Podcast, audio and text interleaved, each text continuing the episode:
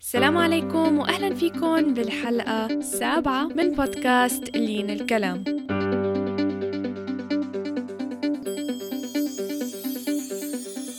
أنا لينا قدماني مقدمة هاي البودكاست يلي بنستضيف فيها ناس من مختلف المجالات لنتعرف عليهم ونتعلم من خبراتهم ونكتشف أسرار نجاحهم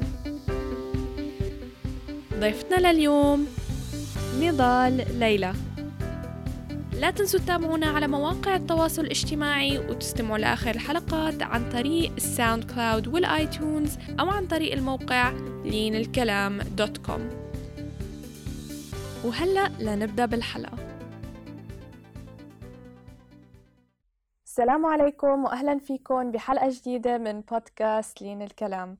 البودكاست يلي بنستضيف فيها ناس من مختلف المجالات لنتعرف عليهم ونتعلم من خبراتهم ونكتشف أسرار نجاحهم حلقتنا لليوم مختلفة رح تكون موجودة على اليوتيوب فاللي عم يسمعونا على ال iTunes أو على ال SoundCloud فيكم تشوفوا الحلقة مصورة آه أونلاين.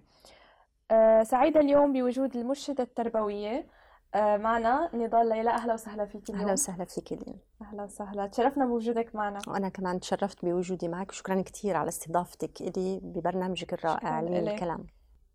السيدة نضال هي مدربة ومرشدة تربوية متخصصة حاصلة على شهادتها بالتربية وعلم النفس من جامعة دمشق مؤسسة معهد أهلي للتنمية والتطوير في منطقة شمال لبنان.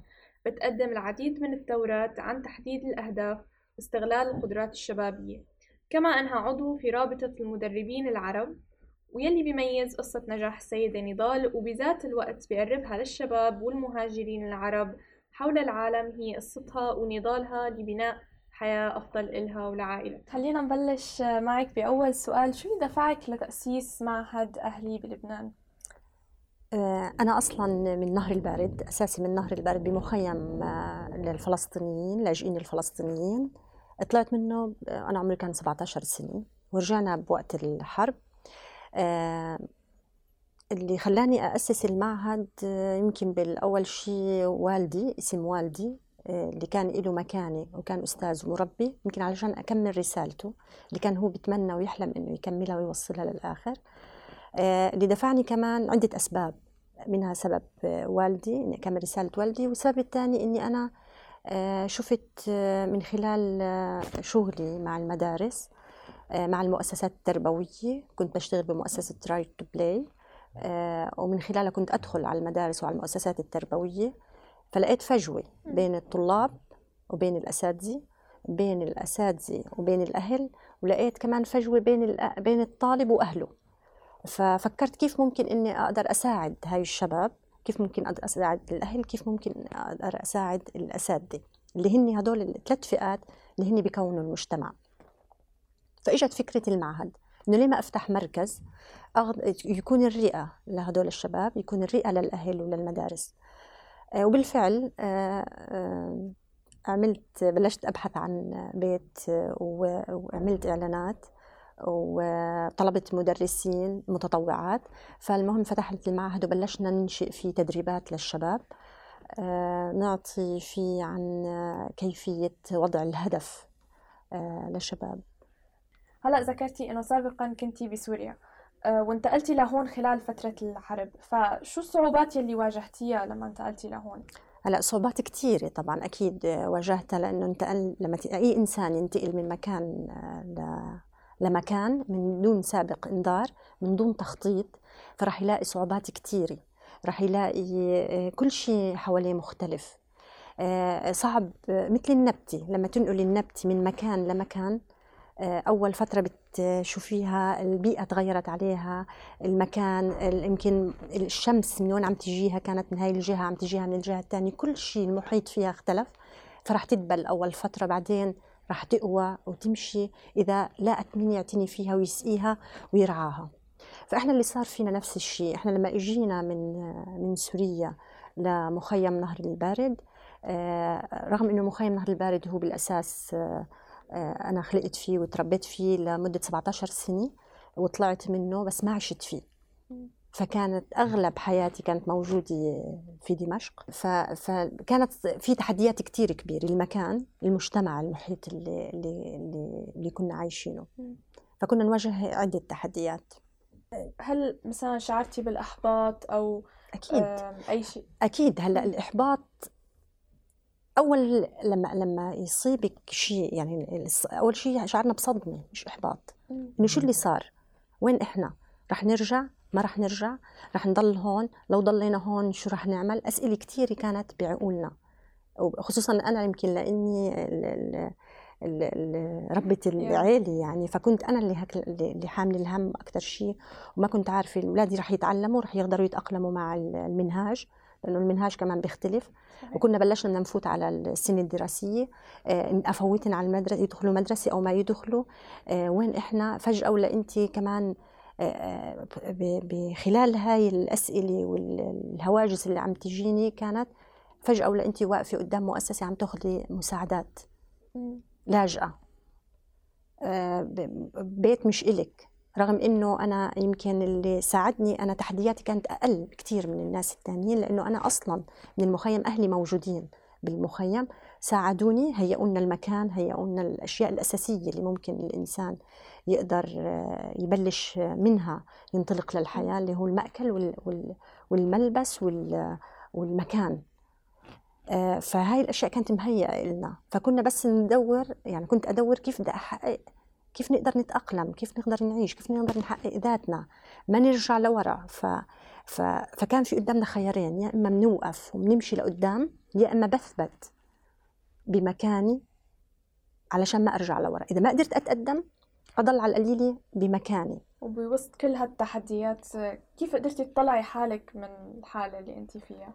آه، أول اجى سؤال ببالي إنه ليش إحنا انخلقنا؟ أحيانا كثير أشياء بتيجي ببالك ربنا ليه خلقنا؟ آه، ربنا ما خلقنا عبث خلقنا لإنه في إنا مهمه بالأرض واللي صار هو قضاء من رب العالمين وإحنا بنؤمن بقضاء الله وقدره فكان إنه طالما أنا انوجدت هون معناته ربنا رايد مني انه يكون في لي رسالة هون. طالما أنا إنسان ربنا أعطاني العقل أعطاني الروح أعطاني الإحساس أعطاني المشاعر أعطاني كل شيء بيكون إنسان كامل بقدر إني أخطي خطوة لقدام. طالما أنا موجود بشغل حيز بمكان بقدر أعمل شيء. فبلشت من هذا المنطلق أفكر شو ممكن الدور اللي أخده أنا هلأ. أول شيء حاولت أساعد نفسي أنا. ما كنت أقدر أساعد حدا إلا لأساعد نفسي أنا بالأول. أقدر أشتغل على نفسيتي أنا. إني أقدر أكون قوية أكثر لأقدر أمنح القوة لغيري فأول شيء اشتغلت على حالي بلشت يعني آه، كانت مرحلة كتير صعبة مش سهلة. يمكن آه، اللي بيشوفوني هلأ آه، يمكن فتحت مركز وعم بيشوفوا مثل ما شفنا هلأ بالريبورتاج إنه كل شيء عم بيشوفوا إنه يعني كنت يمكن أغيب فترة أرجع يشوفوني عملت شيء يفكروا هذا الشيء اجى هيك. هذا الشيء اللي أنا عملته واللي وصلت له كان نتاج نتيجة بذل جهد تعب سهر آه، كان في إحباط بس أنا كنت أو أرجع اوقف كنت مش أفشل كنت يمكن ما أنجح بس كنت أرجع أحاول أوقف مرة تانية. لما كنت لما ما أنجح ما كنت أرجع أعيد طريقة المحاولة مرة تانية بطريقة نفس الطريقة اللي عدتها أول مرة. كنت أرجع أعيد المحاولة بطريقة مختلفة عشان أحصل على النتيجة اللي بدي إياها. وقدرتي تصلي النتيجه الحمد لله. الحمد لله. هلأ آه، آه، إنك تحافظي هلأ الطريق للنجاح أسهل من إنك تحافظي على النجاح نفسه. يعني هلأ أنا في ما بيخلص التحدي إنه أنا وصلت أو النجاح إنه أنا نجحت هلأ ووصلت وخلص. آه، بتحسي إنك تحافظي على المكان اللي أنت وصلتي لها مش سهل أصعب من الطريق للوصول للنجاح. الحمد لله بعد بحس في عندي طموح أكبر. بحس كل الأمور اللي أنا عم بحطها بالأهداف اللي عم بحطها عم بحط أهداف صغيرة وعم بوصل لها آه، طبعا هذا الشيء بده بذل جهد وبده ربنا قالنا سبحانه وتعالى. آه، إنه المفروض إنه نعمل علشان يساعدنا.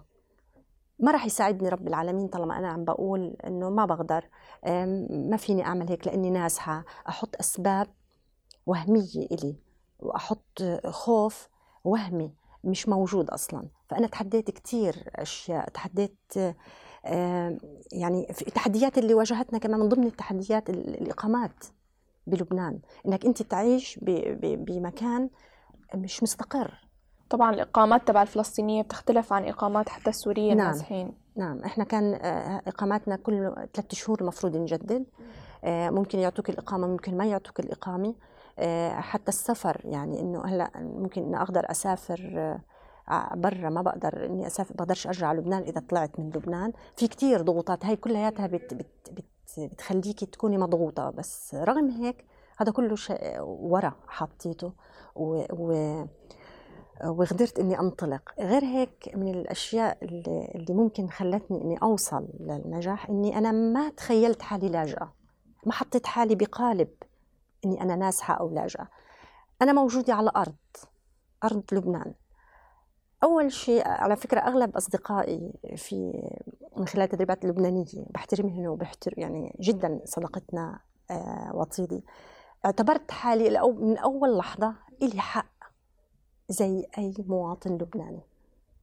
من هذا المنطلق قدرت إني أطلع. إمتى الوهم اللي بقول لك عنه والهاجس والخوف إني أكون آه، أنا لاجئة. فمن هذا المنطلق بلشت إني أطلع أبحث أدور أسأل آه، السعي. مفروض إنه نسعى. نعم. الحمد لله قدرتي تأسسي المعهد وتصلي للي آه، هدفك اللي أنت حاططيه.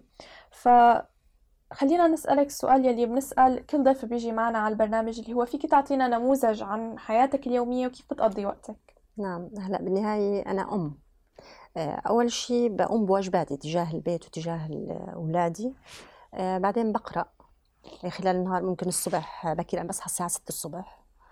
آه، بقرأ تقريبا شي ساعة. بسمع لمحاضرات عن يوتيوب لدكاترة ممكن يفيدوني بمجال تخصصي. آه، بعمل رياضة. آه، مثل ما قلت لك بقوم بعدين بواجبات البيت الأولاد. آه، بعدين بنزل على المعهد. أو على المدارس بتواصل معهن علشان الطلاب اللي موجودين عندنا بالمعهد. بعد هيك هلأ ما في برنامج محدد يومي بيكون نفسه لأنه أوقات بيكون عندي تدريبات بريه المخيم أوقات أنا بحضر تدريبات أوقات بيكون ما عندي شيء بس فترة الصبح هاي يوميا يعني بتكون آه، الأولاد البيت قراءة رياضة آه، استماع للمحاضرات. هذا يومي. خلينا هلأ ننتقل لفقرة الأسئلة السريعة. أول سؤال مقولة أو مبدأ بتعيشي فيها؟ إن لم تزد شيئا على الحياة كنت أنت زائدا عليها. يعني بمعنى طالما أنت موجود بالحياة إذا ما قدرت تقدم شيء لإلك أو لمجتمعك أو للمحيطين حواليك فأنت راح تكوني زيادة على الحياة فوجودك مش ضروري. فالمفروض إحنا كبشر ك إلنا دور بالحياة المفروض نقدم شيء. حكيتي سابقا عن محاضرين انت بتسمعي لهم فيك تعطينا بعض الأسماء. آه هلا آه في الدكتور محمد طارق السويدان آه، كثير آه، بسمع له خصوصا آه، عن القيادة لما يحكي عن القيادة للشباب. كثير مواضيع بيحكي عنها وتكون من وحي الدين يعني كثير بيأثر فيه. نعم. في بالتربية دكتور مصطفى أبو السعد كمان مختص بالتربية. في عندك ثلاث كتب تنصحي بقراءتها؟ نعم في أهمية الوقت للدكتور محمد طارق السويدان كتاب كتير مهم وفي العادات السبعة للناس الأكثر فعالية لستيفن كوفي كوفي وفي آه، أرسم مستقبلك بنفسك لبراين تريسي إذا بيرجع فيكي الزمان لشبابك شو اللي كنتي رح تغيري؟ آه شيء محدد. اللي ممكن أغير الخجل اللي اللي كان والخوف اللي كان عندي وأنا يمكن بمرحله الطفوله وال ومرحله الشباب ممكن أخليه أخليه كنت ممكن أتخلص منه أسرع لاوصل للي بدي إياه أسرع. كيف عاقك الخ... كيف كان الخجل عائق بالنسبة لك من إنه تصلي؟ آه، في الخجل طبعا أكيد بيعيق كثير لأنه ممكن آه، هو لما يكون الإنسان خجول معناته عنده عدم ثقة بنفسه. فبيخليكي بتروح منك فرص كثيرة كثير فرص إنك ممكن تتعرفي على ناس ممكن الدراسة آه، ممكن طريقة التعامل. انت وجودك تثبتي وجودك يعني بتضلك مش مبينة مش ظاهرة. وفي عندك ممكن يكون عندك قدرات يعني هلأ الشخص الخجول ممكن يكون عنده قدرات بس لأنه خجول مش قادر يطلعها. فكنت بتمنى إنه أتخلص من حالة هاي الحالة بوقت أسرع من ما تخلصت فيه عن كبر. وآخر سؤال بهالفقرة مين هو الشخص اللي كان له تأثير كبير بحياتك وليش؟ آه، أكيد والدي. آه، كان وما زال له تأثير بحياتي. والدي كان أستاذ كان مربي وكان مصلح اجتماعي في في المخيم وكان بارز وكان يصطحبني معه وأنا صغير على طول ياخذني معه أقعد بال بالمجالس اللي بقعدها مع أصدقائه الأساتذة والمدراء آه، فبحس حالي تأثرت كثير فيه. فكنت أسمع لما يكونوا يقعدوا يتحدثوا أسمع أحاديث كبار أسمع آه، أشياء آه، أثرت فيي لحد هلأ. يمكن هي اللي كونت شخصيتي اللي أنا عليها. وعلشان هيك عملت المعهد باسمه. لنكمل الرسالة اللي كان هو يطمح إنه يوصل لها. وهلا وصلنا لختام الحلقة. في شيء حابة تقوليه ما قدرتي تقوليه خلال الحلقة؟ أه بحب أقوله لم... آه، بشكل عام أو بشكل للشباب أو للشباب أو ممكن تكون رسالة للشباب اللي عم يتابعونا. أه للشباب. أول شيء بحب أقول لهم إنه أه حدد موقعك أنت وين. حدد هدف. لازم يكون في لك هدف بالحياة علشان توصل. أه لازم تعرف أه تكتب تسأل ثلاث أسئلة لك أنت شو أضفت لإلك وللمجتمع اللي حواليك؟ أنت شو أنجزت؟ هاي الأسئلة جاوب عليها. حتى هذا مش بس للشباب لكل حدا ممكن يسأل حاله هاي الأسئلة ليعرف حاله هو آه، وين مكانته. من بعد هاي الأسئلة بيقدر يحدد الهدف اللي بده يسعى. المهم إنه الشباب يحطوا هدف بحياتهم إنه يعيش عشان قضية. أو عشان هدف. آه، لما ينجح بالخطوات اللي عم بحطها ليوصل للهدف بوقتها بحس بالسعادة بحس بتحقيق ذاته وما يتطلع لورا. يعني هلأ لما قدمت الريبورتاج بصراحة أنا بلشت أعيد الذكريات اللي أنا كيف وصلت لهون. للحظات دمعوا عيوني إنه أنا أنجزت هاي الأشياء. بس ما كنت يعني كنت كل ما عم بنجز عم إنجاز أو أوصل لمرحلة ما كنت أطلع لورا. لما كنت أوصل لمكان كنت أشوف الهدف اللي بعده. وعلى طول بقول للشباب ما تطلعوا لورا وأنتم ماشيين لقدام مش رح تزبط لأنك رح تتشرقل رح توقع. فخلي نظركم لقدام. كيف ممكن الشباب يتواصلوا معك؟ في عندي صفحة أنا على الفيسبوك باسمي نضال ليلى. وفي صفحة المعهد آه، معهد الأستاذ أحمد حسن ليلى للتنمية والتطوير. الهدف من البرنامج هو أنه نستضيف ناس ناجحين هن القدوة للشباب. فتشرفنا بوجودك معنا اليوم. شكرا لك مرة ثانية شكرا لك لين. آه، شكرا لكم مستمعينا ومشاهدينا. لا تنسوا تتابعونا على مواقعنا على التواصل الاجتماعي أو عن طريق الموقع لين الكلام dot com وتستمعوا لآخر الحلقات عن طريق ال SoundCloud أو ال iTunes. بنشوفكم بالحلقة الجاية. والسلام عليكم.